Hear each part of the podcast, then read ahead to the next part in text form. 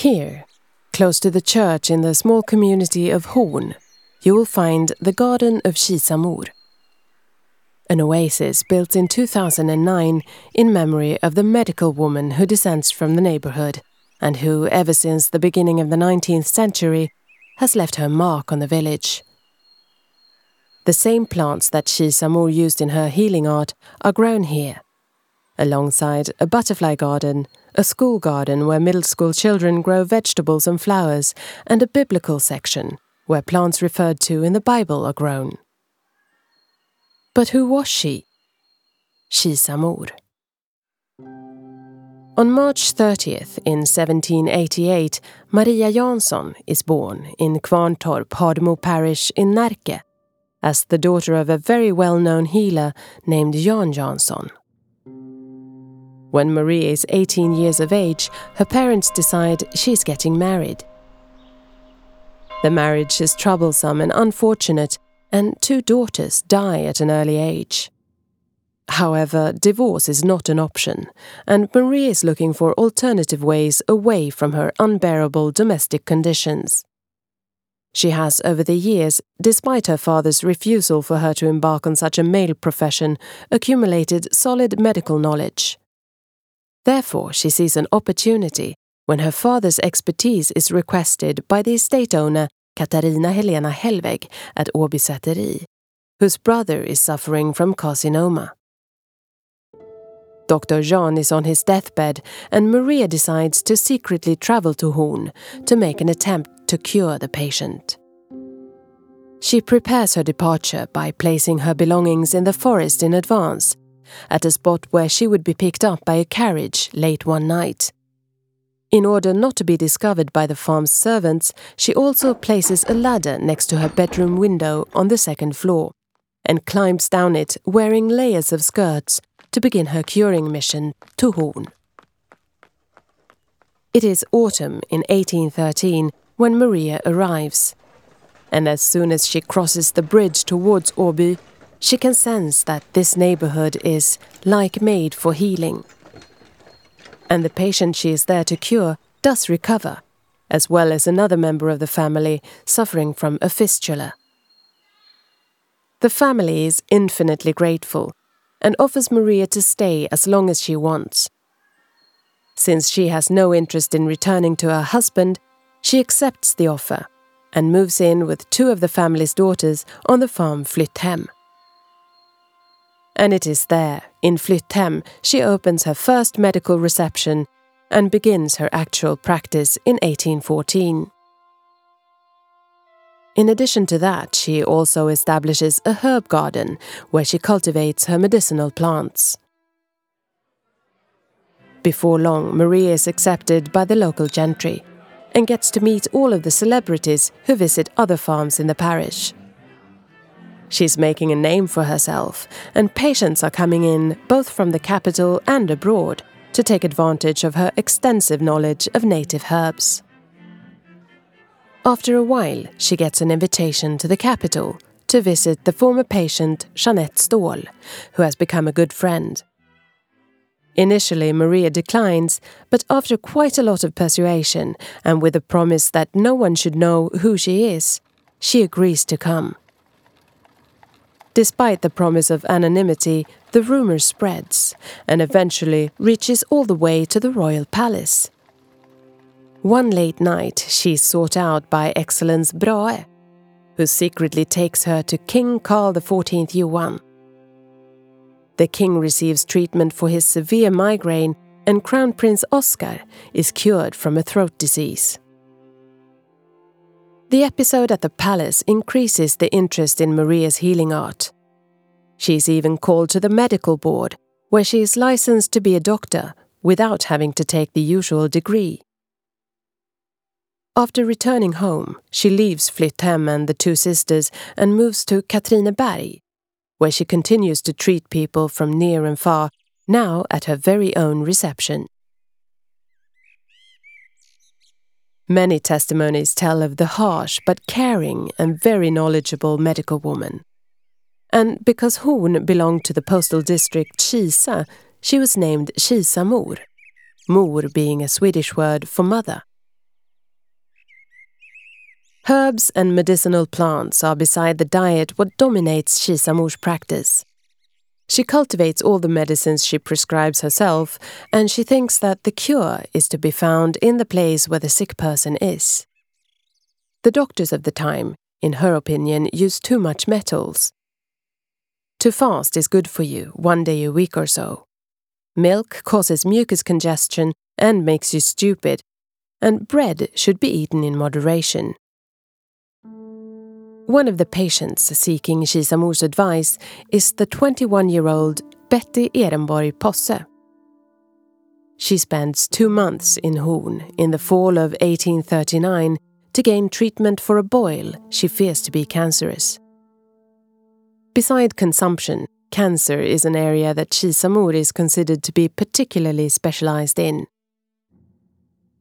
Betty keeps a diary of her time in Horn, where she describes Kisamor's often rather stern methods.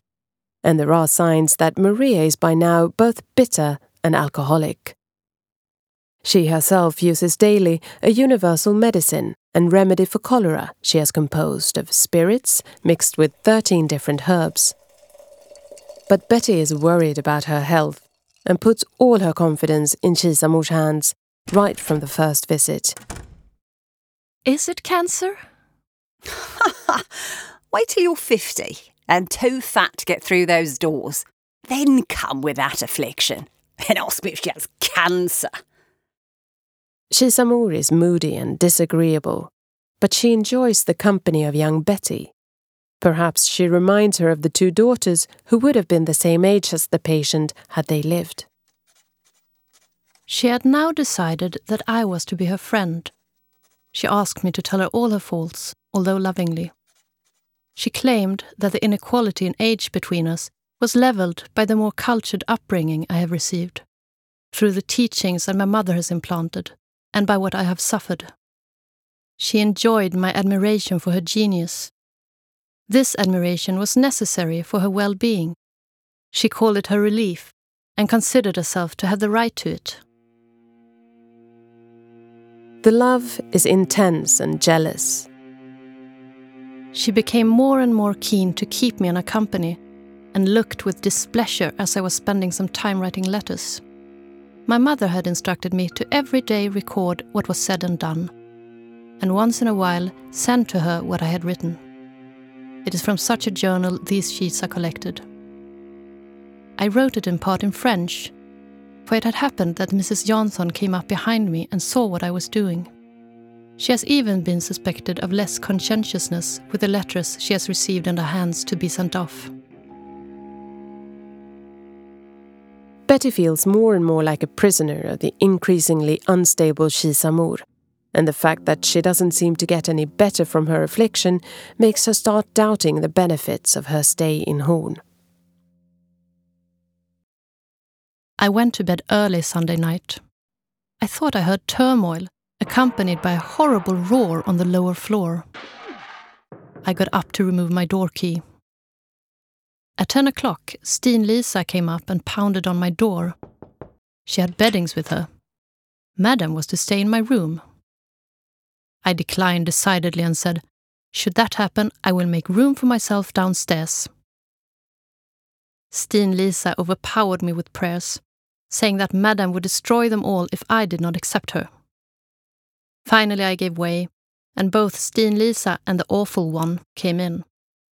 They both lay down in the room, Steen Lisa in the vicinity of my bed, perhaps out of mercy. Now the poor old woman embarked on a night during which everything she had against all humanity was poured out over me in the most bitter curses. Above all, my mother and I were the objects of her rage. After two months, Betty decides that the situation is insufferable and it is time for her to go home.